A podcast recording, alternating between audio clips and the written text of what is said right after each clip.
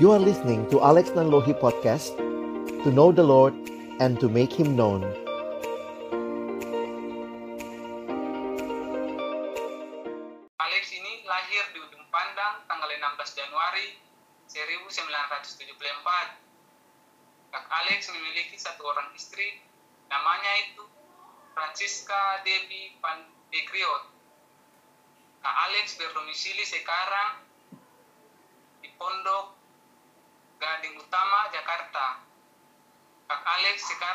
sebagai Sekjen Berkantas atau Persekutuan Kristen Antar Universitas Nasional dan bekerja sebagai staf siswa Berkantas Jakarta.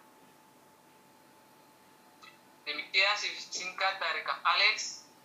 Selanjutnya, waktu dan tempat kepada kakak dipersilakan.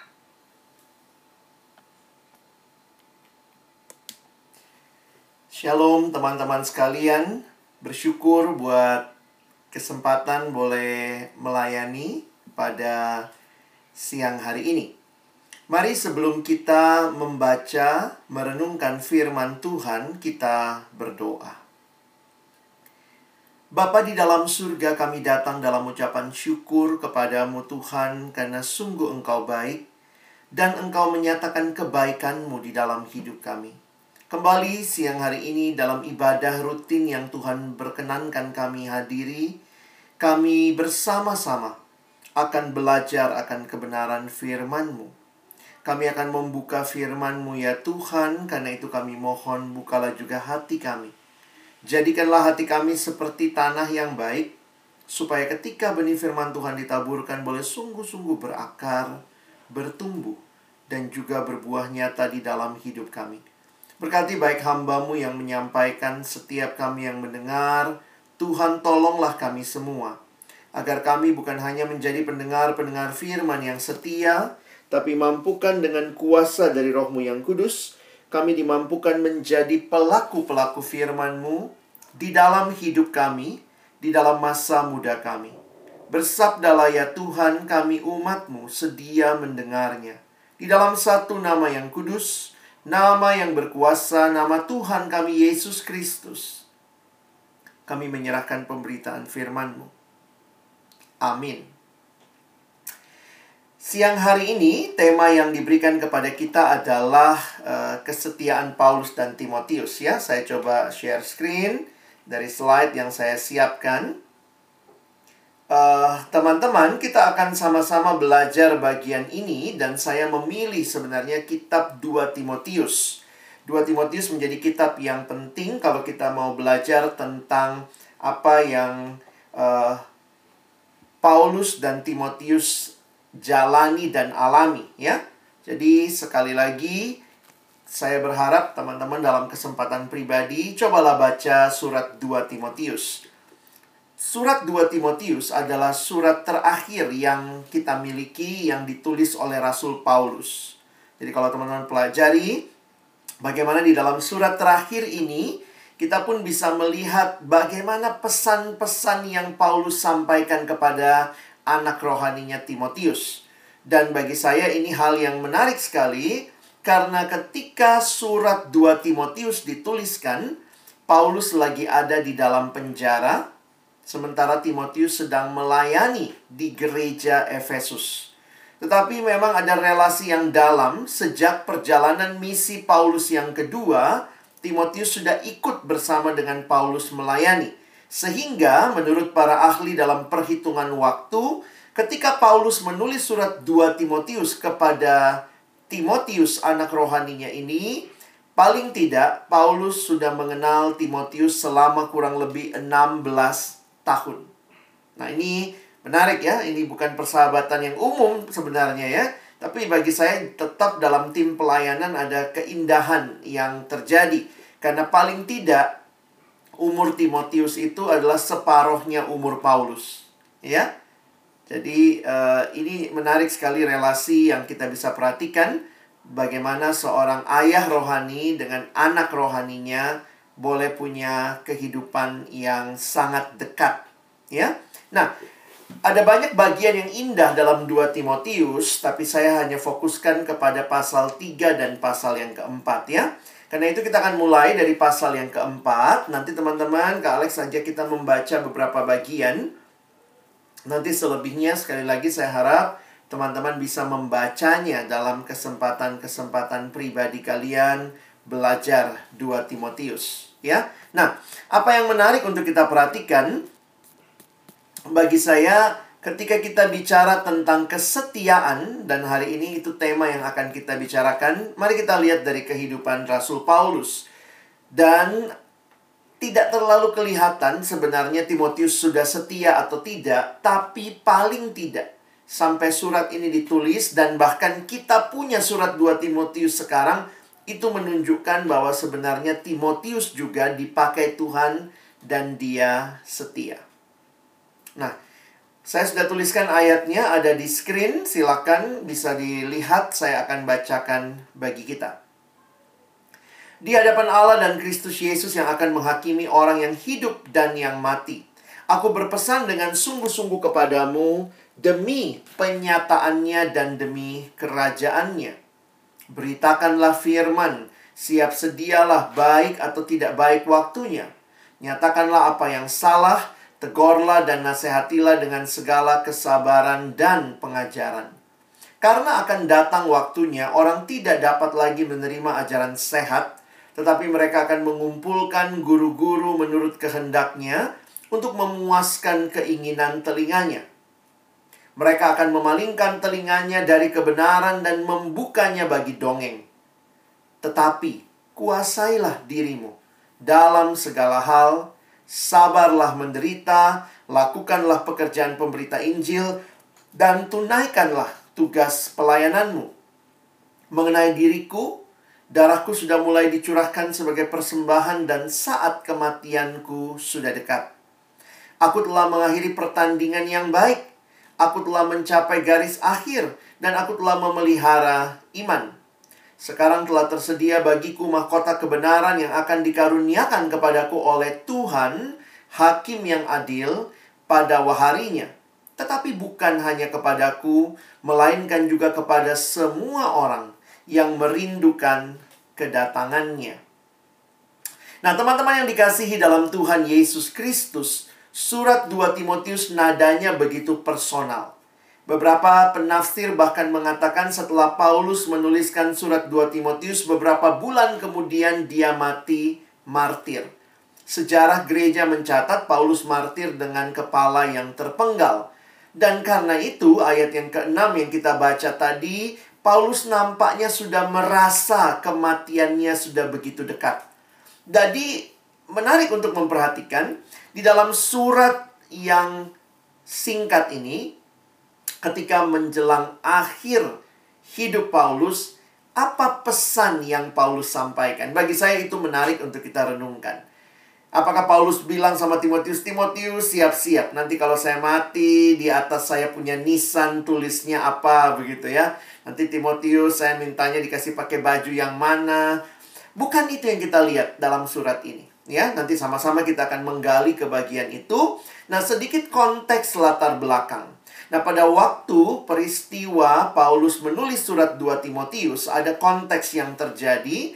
Pada saat itu ada ancaman besar yang sedang melanda kekristenan di provinsi Asia. Provinsi Asia merupakan provinsi Romawi yang meliputi bagian barat Asia kecil atau Asia Minor sekarang itu di daerah Turki ya dan Efesus adalah ibu kotanya. Kalau lihat gambar kartun ini, ini menggambarkan sebenarnya ini situasi yang tidak mudah ya. Pada waktu itu Asia bukan hanya nama benua tetapi juga nama, coba lihat itu ya. Ada Asia di situ, itu adalah nama provinsi, provinsi di wilayah kerajaan Romawi. Teman-teman lihat sebelah paling kiri atas itu Romawi yang kayak sepatu bola itu ya. Ada kaki lagi nendang begitu ya. Lalu kalian lihat Efesus. Waktu itu Paulus ada di Roma, di penjara Roma. Dia kirim surat ini kepada anak rohaninya Timotius yang ada di Efesus. Timotius ditinggalkan Paulus melayani jemaat di Efesus. Nah, ini kira-kira situasinya. Nah, apalagi yang terjadi pada waktu itu? tentang apa yang dialami Timotius tentunya tidak mudah dari penggalian sejarah dan juga dari isi surat-suratnya. Teman-teman bisa melihat apa sih sebenarnya yang menjadi masalah pada waktu itu. Paling tidak ada dua macam ancaman yang muncul. Perhatikan, ada ancaman yang pertama adalah ancaman yang datangnya dari luar, ya. Ada ancaman yang datang dari luar gereja dari luar jemaat yang berupa penganiayaan oleh pihak-pihak yang memiliki kebencian kepada Tuhan dan menariknya mereka tuh benci sama Tuhan Yesus sama pengajarannya justru karena murid-murid Yesus hidupnya tuh saleh. Jadi ini bukan dibenci karena mereka pemabuk, mereka pendusta, tapi justru karena mereka tidak ikut dengan kondisi di zaman itu. Jadi ada ancaman dari luar yang kita sebut penganiayaan dari pemerintah Romawi, dari orang-orang Yahudi yang tidak suka dengan kekristenan. Tapi yang kedua, juga ada ancaman dari dalam. Ternyata dari dalam gereja sendiri juga muncul pengajar-pengajar sesat. Nah, ini yang diingatkan. Teman-teman lihat tadi ya, yang kita baca di ayat yang ketiga misalnya, Paulus berkata, karena akan datang waktunya orang tidak dapat lagi menerima ajaran sehat. Tetapi mereka akan mengumpulkan guru-guru menurut kehendaknya untuk memuaskan keinginan telinganya. Di ayat yang keempat, Paulus melanjutkan mereka akan memalingkan telinganya dari kebenaran dan membukanya bagi dongeng. Seorang Timotius melayani di situasi yang tidak mudah. Teman-teman mesti ingat Timotius bukan rasul, tapi dia di, diminta Paulus untuk memimpin jemaat di Efesus. Tentu tidak mudah. Karena waktu itu pemimpin jemaat itu biasanya paling tidak berusia kurang lebih 40 tahun. Timotius ini masih tergolong muda. Umurnya kira-kira baru 30 tahun. Karena itu di surat 1 Timotius, Paulus bicara sama Timotius, "Jangan seorang pun menganggap engkau rendah karena engkau muda." Jadi ayat itu sebenarnya disampaikan kepada Timotius yang sudah berusia kurang lebih 30 tahun, tetapi pada situasi zaman itu menjadi pemimpin jemaat itu biasanya sekitar 40 tahun ya teman-teman ya. Jadi saya bisa membayangkan Timotius di dalam dirinya mungkin minder karena masih muda. Situasi luar sulit karena ada penganiayaan. Situasi di dalam jemaat muncul pengajar-pengajar sesat. Lalu belum lagi ditambah supporter utama Timotius yaitu Paulus sedang ada di penjara di kota Roma. Wah, ini lengkaplah penderitaan ya. Nah, tapi menarik sekali dari dalam penjara Roma, Paulus menulis surat kepada Timotius. Jadi bagi saya surat ini bagi saya menarik sekali.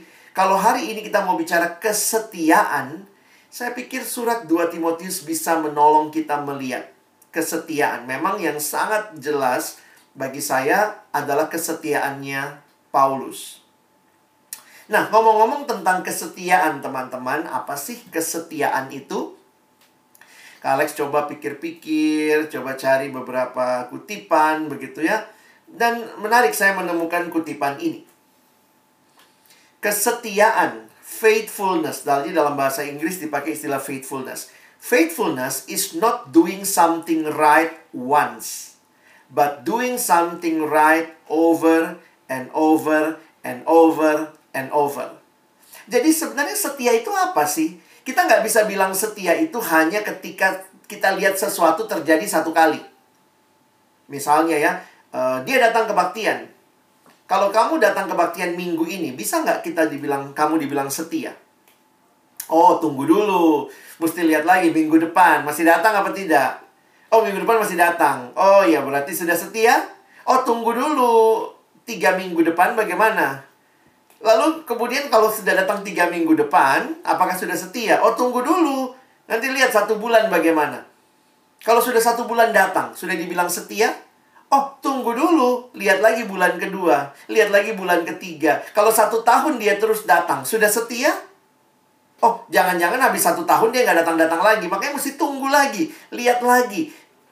Tahun kedua, tahun ketiga, tahun keempat, tahun kelima. Jadi sebenarnya ukuran kesetiaan itu kapan baru bisa kita ukur? Ketika kita sudah menyelesaikan semuanya di dunia ini. Jadi jujur aja memang kesetiaan ini salah satu bagian yang tidak mudah dihotbahkan dan tidak mudah dihidupi. Karena ini bukan melakukan sesuatu dengan benar ya, sesuatu yang benar satu kali. Tetapi melakukan sesuatu yang benar terus menerus terus menerus sehingga sekali lagi saya katakan ketika membaca 2 Timotius yang saya lihat teladan kesetiaan Paulus karena Paulus sudah ada di akhir hidup. Tapi Timotius masih dalam proses. Terus kenapa kita bisa bilang Timotius juga setia? Paling tidak kita punya surat 2 Timotius. Berarti pasti Timotius qualified. Sampai akhir hidupnya Timotius setia. Karena kalau Timotius tidak setia sampai akhir hidupnya, kenapa kita punya surat 2 Timotius? Pasti surat itu sangat memalukan ya, karena yang terima tidak setia. Tetapi kalau kita perhatikan, bagi saya, surat ini sampai kepada kita juga menegaskan bahwa Timotius pun juga setia. Jadi sekali lagi teman-temanku bicara kesetiaan, belum ada satupun dari kita yang sudah teruji setia.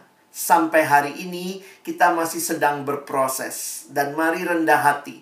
Mari terima surat 2 Timotius ini. Apa yang saya mau sampaikan? Saya melihatnya di dalam surat 2 Timotius ini adalah teladan kesetiaan Paulus dan dorongan Paulus kepada Timotius untuk setia sampai akhir. Jadi memang yang baru kelihatan di dalam surat 2 Timotius ini adalah teladan kesetiaannya Paulus. Paling tidak sejarah gereja mencatat yang tadi Kak Alex bilang, Paulus sampai mati setia kepada Kristus dan karena itu dia dihukum mati dengan cara dipenggal dan dia menjadi martir.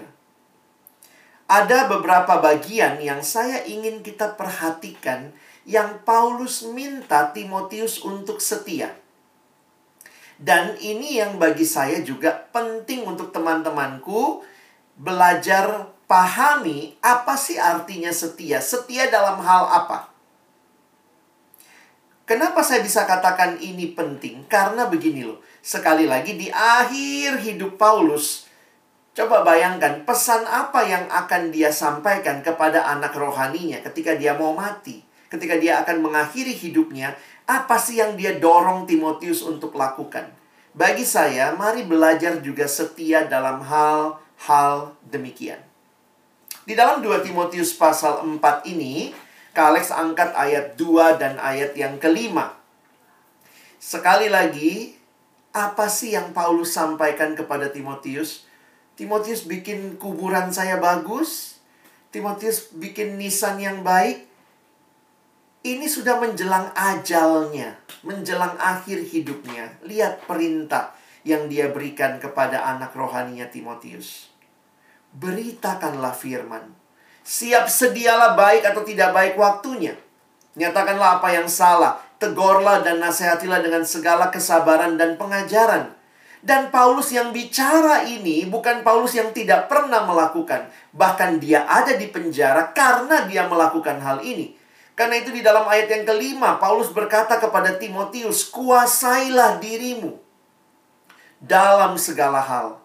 Sabarlah menderita, lakukanlah pekerjaan pemberita Injil dan tunaikanlah tugas pelayananmu. Fokusnya apa dari dua ayat ini? Saya pikir kesetiaan yang di dalamnya teman-teman dan saya harus teruji juga adalah kesetiaan untuk memberitakan firman. Saya pikir itu yang ada di benak Paulus di akhir hidupnya. Ketika dia menyatakan kepada anak rohaninya Timotius melalui surat ini. Yang dia serukan adalah Timotius, beritakanlah firman. Pada segala kesempatan, baik atau tidak baik waktunya, dalam segala kebenaran, dan dengan segala usaha. Teman-teman, kalau kita bicara setia, saya pikir mari kita belajar setia juga kepada hal yang sederhana ini. Tentu kita mau setia juga di kuliah kita, kita kerjakan tugas dengan baik. Kita mau setia juga dalam tanggung jawab di rumah kita, misalnya kita nanti bekerja, ada adik kita yang mesti disekolahkan, kita setia mendukung keuangan keluarga. Ada juga yang mungkin belajar setia ketika sudah menikah nanti, punya pasangan, belajar setia, tidak neko-neko, tidak selingkuh, belajar mencintai pasangannya. Itu semua banyak hal yang dalam hidup butuh setia. Tapi juga ingat, Tuhan memanggilmu, memanggilku jadi pemberita-pemberita kebenaran. Dan biarlah kita tidak hanya waktu ada di kampus, banyak orang begitu ya, waktu ada di kampus tuh, wah saya pengurus, saya pemimpin kelompok kecil, saya anggota kelompok kecil. Wah kita ada bulan PI, kita ada PI bersama, penginjilan, segala macam, mahasiswa baru datang, kita beritakan firman. Tapi pertanyaannya, itu sampai kapan? Jangan pikir ini cuma mainannya anak PMK saja. Nanti kalau sudah kelar ya sudah alumni ya sudahlah. Sekarang saya saya dulu fokus sekali waktu kuliah saya hamba Tuhan. Begitu jadi alumni saya hamba uang, begitu ya. Tidak. Di akhir kehidupan yang Paulus ingatkan kepada Timotius, teruslah beritakan firman. Bahkan situasi Paulus sulit, dia dalam penjara. Tetapi dari dalam penjara menurut sejarah dan tradisi Paulus itu diikat, dirantai seperti gambar itu. Jadi ada yang menuliskan karena di dalam ayat di dalam surat 2 Timotius kita melihat yang dipakai itu kata rantai, belenggu. Jadi ketika dilakukan penelitian sejarah memang pada waktu itu penjahat-penjahat itu yang masuk penjara padahal Paulus tidak bikin salah apa-apa dia hanya memberitakan Injil tapi dianggap menentang karena dia memberitakan ada kaisar yang lain yaitu Kristus dia akan dibelenggu diikat kepada dua penjaga di kiri kanannya. Bahkan ada yang mengatakan mungkin juga kakinya diikat. Jadi bayangkan satu orang diikat kepada empat orang lainnya tangan kanan tangan kiri kaki kanan kaki kiri itu diikat seperti itu dan penjaga itu bergantian setiap 6 jam. Wah, waktu saya menyadari fakta itu memang ngeri sekali ya. Situasinya tidak mudah bagi Paulus. Tapi sekali lagi dari dalam penjara yang tidak mudah dia ada di penjara karena memberitakan Injil, tapi dia terus beritakan pesan yang sama kepada Timotius. Teruslah beritakan Injil. Perhatikan ayat yang ke-9 pasal 2. Di sinilah muncul kata belenggu. Karena pemberitaan Injil inilah aku menderita. Malah dibelenggu seperti seorang penjahat. Tetapi firman Allah tidak terbelenggu. Wow, teman-teman waktu menyadari uh, situasi ini. Wah, ini jadi panggilan buat kita ya. Firman Allah tidak terbelenggu meskipun Paulusnya dibelenggu. Dari mana kita bisa lihat ini? Ya, coba aja nanti teman-teman perhatikan pengalaman. Karena Paulus bicara ini dari apa yang dia alami dan dia saksikan. Dari dalam penjara, bahkan Paulus juga telah menulis surat-surat yang lain. Ini dikatakan surat-surat penjara. Surat Efesus, ada ayat-ayat di situ yang kalian bisa lihat. Itu semua Paulus bicara, aku dalam penjara. Kadang dia pakai kata imprisonment, berarti di penjara. Kadang dia pakai kata belenggu, chains, ya. Di Kolose, di Filemon, di kitab Filipi. Jadi, waktu saya memperhatikan ya, ya, tidak akan mungkin firman terbelenggu oleh situasi. Kutipan ini bagi saya sangat berkesan khususnya dalam masa-masa pandemi seperti ini ya. Firman Allah tidak akan pernah terbelenggu oleh para penentangnya kecuali oleh pemberitanya. Nah, ini yang jadi tantangan buat kita ya. Jangan-jangan yang membelenggu firman Allah waktu kita berhenti memberitakannya. Karena situasi tidak akan pernah bisa membelenggu. Paulus dari dalam penjara dibelenggu, tapi firman Tuhan tidak terbelenggu. Jadi bagi saya yang saya ingin ajak kita melihat dari eksposisi kesetiaan Paulus yang dia wariskan kepada Timotius, mari setia dengan hidup kerohanian, setia dengan pemberitaan Injil, setia dengan tugas pelayanan, itu bukan hanya waktu PMK. Kita bukan sekarang saja jadi rohani. Nanti kalau sudah kerja, kita jadi rohana. Tidak. Kamu harus ingat, hidup sampai akhir, biarlah orang bisa melihat siapa Yesus yang kau ikuti. Bukan seberapa kaya kamu. Bukan seberapa banyak mobil yang kau punya, bukan seberapa tinggi jabatanmu di kantor. Itu semua kalau Tuhan kasih puji Tuhan. Tetapi lebih dalam daripada itu, bagaimana hidup kerohanian kita? Saya senang ketika ketemu alumni dan dia cerita, "Kak, saya masih melayani, Kak, saya masih pimpin KTB, Kak, saya masih mau lakukan pekabaran Injil, Kak, saya masih rindu melalui usaha saya, saya bisa memberkati banyak orang." Bagi saya alumni-alumni seperti itu apa ya menenangkan hati lah dalam arti Tuhan terima kasih penyerahan diri saya untuk pelayanan ini Tuhan Tuhan apa ya Tuhan bayar melalui melihat alumni-alumni yang seperti itu. Dan yang paling menyedihkan adalah ketika melihat alumni-alumni yang mungkin berhasil hidupnya. Satu waktu saya lagi jalan tiba-tiba ada yang panggil-panggil saya, "Kak Alex, Kak Alex" gitu ya. Ada yang teriak dari mobil gitu. Karena saya lagi jalan kaki mau menuju ke angkutan saya naik angkutan umum tiba-tiba ada yang teriak-teriak begitu Kak Alex Kak Alex gitu. Saya kaget gitu. Saya lihat oh ternyata dari dalam mobil ada satu alumni yang ajak saya untuk naik mobilnya. Dia lihat saya lagi jalan lalu kemudian dia bilang ah, kak masuk kak. Saya bilang nggak usah sudah dekat begitu. Enggak kak masuk kak. Jadi daripada teriak-teriak di jalan saya masuklah ke mobilnya. Wah dia dengan bangganya cerita bagaimana usahanya berhasil, keluarganya baik, uh, senang dia punya bonus dalam pekerjaan yang baik begitu ya. Dan saya bisa lihat lah paling tidak dari dia punya mobil, dia punya rumah dan seterusnya dia cerita. Lalu kemudian dalam perjalanan karena dia bilang dia mau antar saya sampai uh, titik yang ter, terdekat buat saya. Terus kemudian uh, ya saya tanya-tanya, gimana? Kamu sekarang pelayanan di mana begitu ya? Saya cuma mulai dengan tak pertanyaan itu. Tiba-tiba langsung berubah dia. Dia bilang itulah kak susahnya. Saya sibuk banget kak. Oh iya.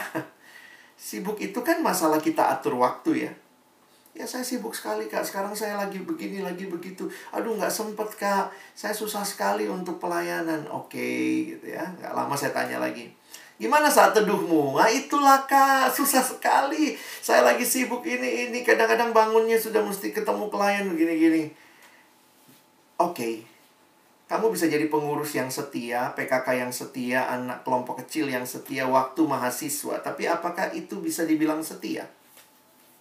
Setia itu bukan diuji waktu kamu sekarang saja. Tapi setia itu akan dilihat sampai akhir kehidupanmu.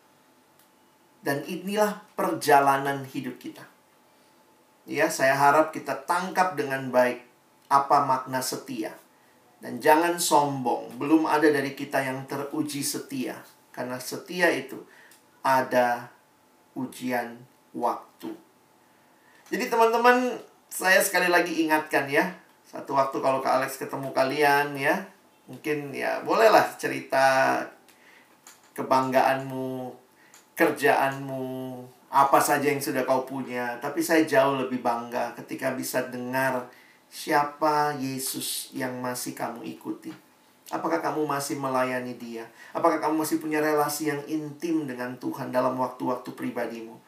Jadi kalau kalian tidak berjuang untuk hidup dalam Tuhan sekarang, saya tidak jamin setelah keluar dari kampus kamu tetap hidup rohaninya baik.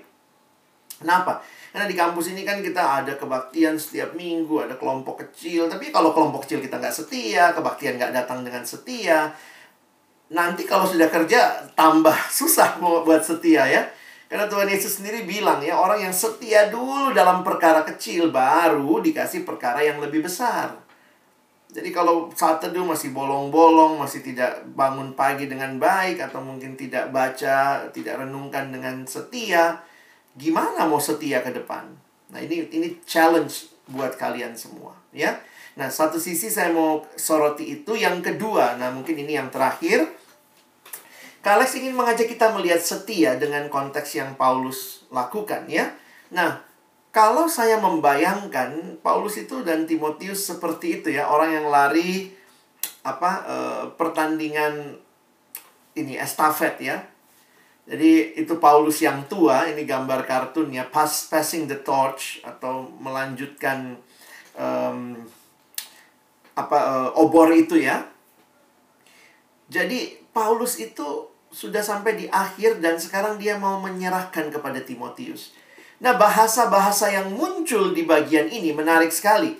Jadi itu sebenarnya bahasa seperti pertandingan atau perlombaan lari maraton. Jadi Paulus itu menggambarkan karena lari maraton itu sudah ada sejak dulu.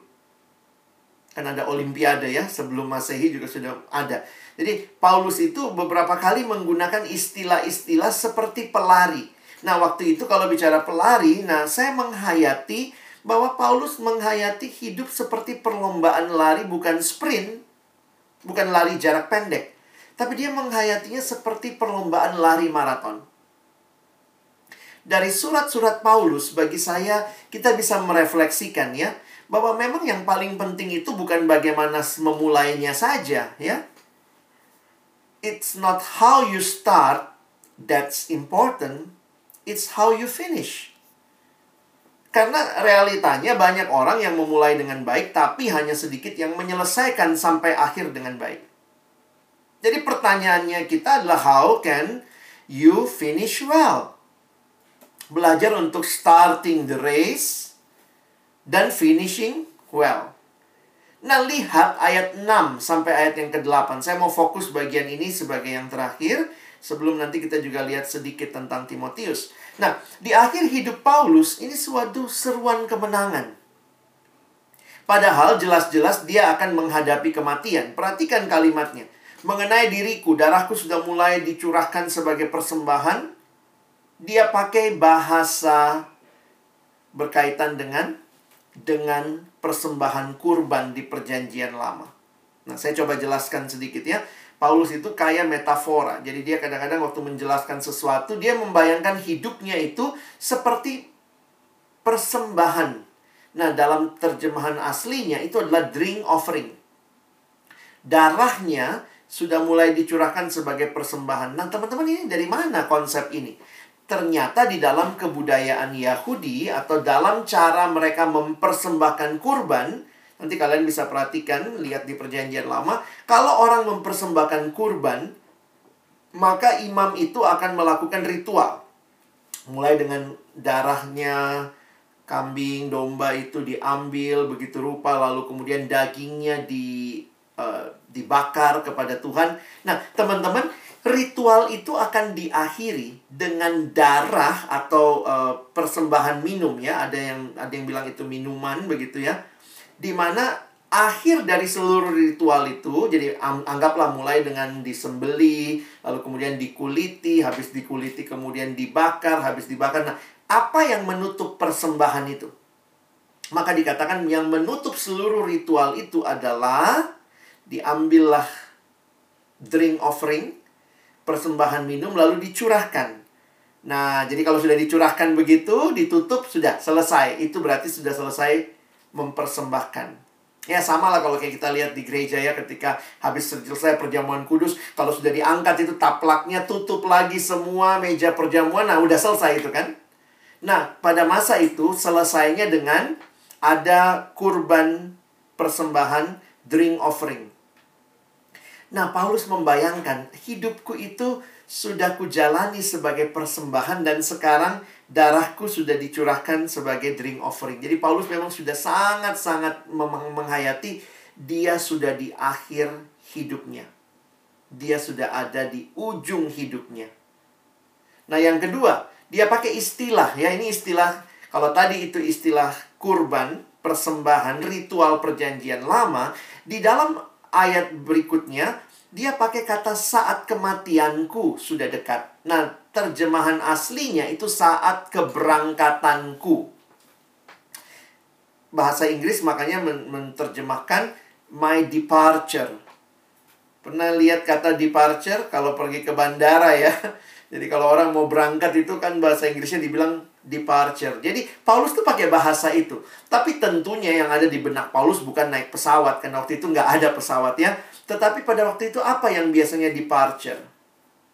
Yang departure itu adalah perahu kapal. Kapal laut. Jadi Paulus menghayati bahwa dia sedang mau berangkat naik kapal. Wah, anak-anak di Ambon ini sudah biasa lihat kapal ya kamu orangnya lihat kapal begitu ketika tali itu atau rantai kapal atau tali kapal itu dilepaskan tambatannya, lalu kapal itu akan mulai berlabuh, uh, mulai berlayar, ya. Jadi bagi Paulus tuh kematian menarik ya. Dia melihatnya kematian adalah saat di mana dia pindah dari pelabuhan yang ini pergi ke pelabuhan abadi. Makanya uh, waktu saya merenungkan hal ini ya di dalam situasi duka bagi saya menarik juga melihat cara Paulus memandang hidupnya. Bayangkan dia lihat hidupnya sebagai sebuah persembahan.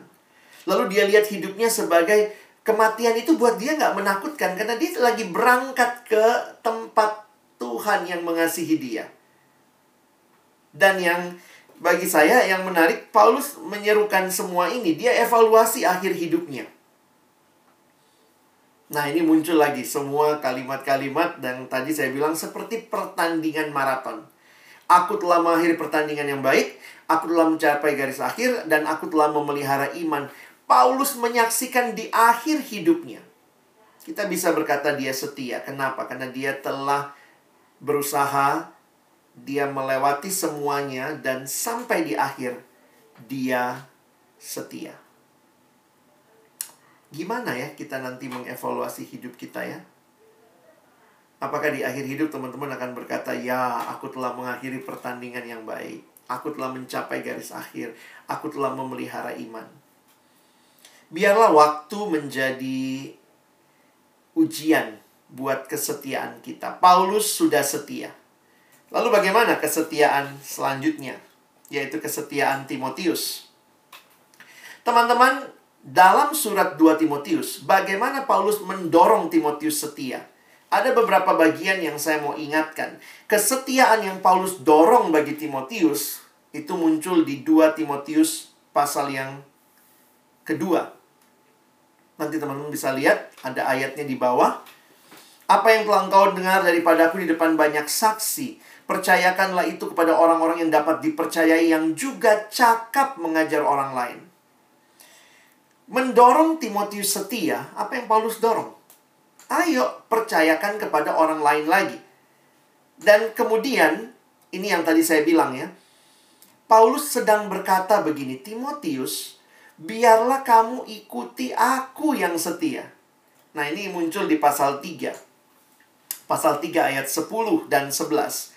Tetapi engkau telah mengikuti ajaranku, cara hidupku, pendirianku, imanku, kesabaranku, kasihku, dan ketekunanku. Bahkan, Timotius telah ikut dalam penderitaan yang terjadi. Engkau telah ikut menderita penganiayaan dan sengsara seperti yang telah kuderita di Antioquia dan di Iconium dan di Listra karena Timotius sudah mendampingi Paulus tuh. Dia pernah lihat Paulus dirajam dengan batu dan ditinggalkan dipikir sudah mati. Begitu ya. Semua penganiayaan itu kuderita dan Tuhan telah melepaskan aku daripadanya. Teman-teman, apa kira-kira pesannya dari dua bagian ayat ini. Efesus uh, sorry, 2 Timotius 2 ayat 2 dengan 2 Timotius 3 ayat 10 dan 11. Salah satu tantangan untuk teman-teman dan saya setia. Kak Alex lihatnya ini. Pentingnya pemuridan. Ya. Teman-teman, penting sekali kita membangun pemuridan. Itu salah satu caranya supaya kita bisa setia. Kehidupan iman tidak cukup hanya dibicarakan, tapi perlu ditransfer. Pemahaman, teladan, pengalaman iman, dan interaksi yang utuh. Bersyukur di kampus kita punya pemahaman yang jelas tentang kesetiaan dengan kita membangun kelompok-kelompok kecil. Paulus tidak hanya jago khotbah di depan ribuan orang, saya pikir, di depan ratusan orang, tapi dia membimbing seorang Timotius. Lihat dia bilang tadi, kau telah ikuti ajaranku, cara hidupku, pendirianku, kasihku. Ini berarti ada hidup yang dekat. Karena itu bagaimana engkau dan saya bisa setia sampai akhir? Biarlah kita punya teman-teman seperjalanan yang sama-sama berjuang setia sampai akhir. Timotius bersyukur punya Paulus. Bagi saya di sinilah jadi menarik untuk memperhatikan bagaimana Paulus dan Timotius setia ketika yang sudah menjalani pelayanan sekian lama, membimbing adik-adiknya untuk juga belajar berjalan dengan setia. Sehingga ukuran kesetiaan di kampus mungkin yang perlu teman-teman tanya bagaimana kelompok-kelompok kecil kita ya. Apa cuma jadi data? Data di seksi kelompok kecil, oh ada sekian puluh anak kelompok kecil, tapi pertanyaannya jalan atau tidak kelompoknya? Katanya mau setia.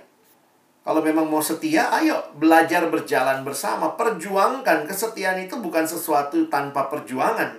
Ya, di dalamnya ada iman. Makanya bahasa Inggris menarik ya. Kesetiaan itu dipakai kata faithfulness. Ada faith-nya di situ. Tapi kemudian bukan cuma iman tanpa action, tapi ada satu tindakan. Dan Paulus betul-betul membimbing Timotius. Kamu mau ada orang yang setia? Bimbing. Jalani kelompok kecil. Dan ini bagi saya yang menarik untuk sama-sama kita renungkan. Siapa lagi yang setia? Saya pikir semua kita harus melihat ya, kesetiaan yang paling utama sebenarnya yang tidak ada cacat dan celah adalah kesetiaan Yesus Kristus sendiri. Di dalam hidupnya bagi saya Paulus pun meneladani Yesus. Yesus pernah berkata di awal pelayanannya, "Makananku ialah melakukan kehendak Dia yang mengutus aku dan menyelesaikan pekerjaannya." Itu masih di Yohanes 4 dia ngomong makananku. Bayangkan dia membandingkan makanan itu kan kebutuhan yang paling mendasar. Sehingga dia berkata, makananku melakukan kehendak dia yang mengutus aku. Dan menyelesaikan, bukan cuma mulai, tapi menyelesaikan. Dan di dalam Yohanes pasal 19, dari salib itu, Yesus berkata, sudah selesai. Yesus setia sampai akhir. Dan ini panggilan buat setiap kita ya. Saya pikir Paulus meneladani kesetiaan dari Yesus. Tentu Timotius mungkin meneladani dari Paulus, tapi sama, semua teladan utama kita adalah Yesus. Dan Yesus sendiri juga mengingatkan kita. Waktu dia bicara tentang perumpamaan talenta, masih ingat pujian Tuhan itu? Maka kata tuannya itu kepadanya, kepada hamba-hambanya ya. Baik sekali perbuatanmu itu, hai hambaku yang baik dan setia. Engkau telah setia dalam perkara kecil, aku akan memberikan kepadamu tanggung jawab dalam perkara yang besar. Masuklah dan turutlah dalam kebahagiaan Tuhanmu. Jadi teman-teman, bagaimana kita bisa mengakhiri dengan baik? How can we finishing well? Saya harap ini jadi pergumulan kita. Sama-sama terus berjalan ya. Pastikan kamu terus setia, bukan cuma sekarang tapi sampai nanti Pastikan juga ada kelompok-kelompok pemuridan yang berjalan bersama membangun hidup orang-orang yang setia. Kalex akhiri dengan sedikit perenungan lagi ketika melihat ayat ini yang saya bold ya, warna merah. Saya cukup lama merenungkan ketika dulu PA ini ya. Kenapa Paulus ngomongnya aku telah mengakhiri pertandingan yang baik? Lihat kalimatnya, bukan aku telah mengakhiri pertandingan dengan baik, bukan ya? Dia menggunakan istilah aku telah mengakhiri pertandingan yang baik. Kalau aku telah mengakhiri pertandingan yang baik, beda dengan aku telah mengakhiri pertandingan dengan baik. Kalau mengakhiri pertandingan dengan baik, yang baik siapanya? Akunya. Akunya yang baik. Tapi kalau aku telah mengakhiri pertandingan yang baik, apanya yang baik? Pertandingannya. Wah, menarik nih, karena kalimat dalam bahasa Inggrisnya juga I have fought the good fight. Nah, bagi saya menarik waktu memperhatikan ini, jadi Paulus itu ada dalam penjara. Akhir suratnya dia bilang sama Timotius, Timotius, aku telah mengakhiri pertandingan yang baik.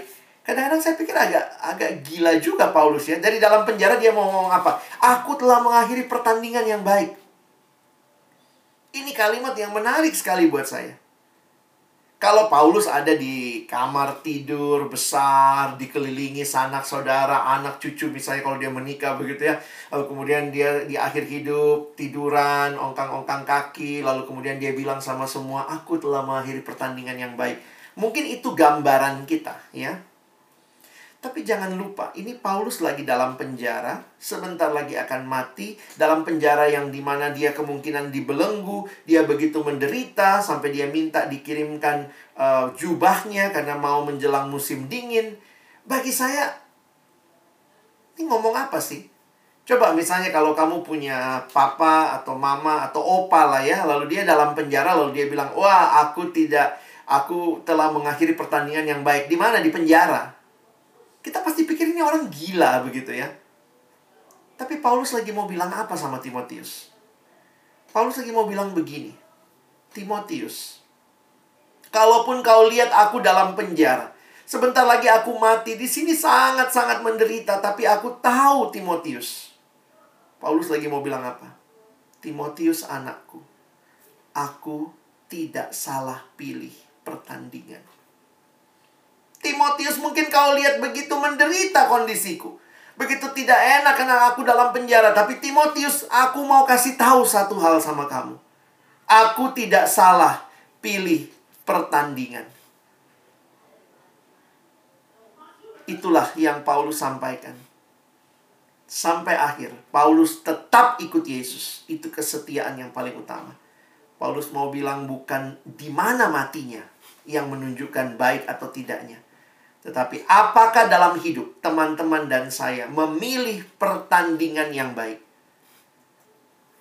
Jangan salah pilih pertandingan. Pilihlah pertandingan yang baik. Yang di dalamnya engkau setia sampai akhir. Karena Tuhan yang memanggilmu, dia yang sudah setia. Mungkin kamu akan seperti Paulus, matinya mungkin di penjara karena memberitakan Injil. Mungkin kamu akan menikmati kekayaan, kita tidak tahu. Yang paling penting adalah jangan salah pilih pertandingan. Karena hasil pertandingan itu bukan pada kita tapi pada Tuhan ya. Tuhan bisa izinkan kamu hidup nyaman, kamu mungkin diizinkan hidup menderita, tapi yang paling penting adalah apakah kamu tetap ikut Tuhan. Dan ini yang saya harapkan boleh jadi berkat buat kita sekalian merenungkan kesetiaan Paulus dan Timotius. Mari masuki pertandingan yang baik yang sudah teman-teman masuki ketika engkau terima Yesus, kau bertobat sungguh-sungguh, kau masuk dalam pertandingan yang baik. Sampai akhir, mintalah kekuatan dari Tuhan supaya engkau dan saya boleh setia sampai akhir. Amin. Mari kita berdoa. Tuhan terima kasih buat firman-Mu. Terima kasih buat Paulus yang telah menunjukkan kesetiaan. Timotius waktu menerima surat masih berproses. Kami yang menerima surat 2 Timotius membahasnya hari ini masih dalam proses. Tapi dalam proses itu kami mohon, tolong kami menyadari bahwa ini pertandingan yang baik. Kami tidak salah pilih pertandingan. Dan dalam pertandingan yang baik ini, kami mau berjuang sampai akhirnya kau dapati kami setia. Kadang tidak mudah Tuhan kami mau mundur, kami mau melakukan apa yang kami mau. Tapi setiap kali kami diarahkan memandang kepada salibmu, Juru selamat kami yang telah setia sampai akhir. Biarlah itu juga menolong kami berjuang setia sampai akhir. Kami berdoa untuk sarana yang ada di kampus, di pelayanan kami, ada kelompok-kelompok pemuridan, kelompok kecil. Tolong kami menghargainya. Tolong kami memperjuangkannya. Tolong kami benar-benar mengupayakan supaya di dalamnya Tuhan kami bersama-sama berjalan untuk terus setia kepada Tuhan. Mampukan kami, bukan cuma jadi pendengar firman, tapi jadi pelaku-pelaku firman-Mu dalam nama Yesus kami berdoa. Amin.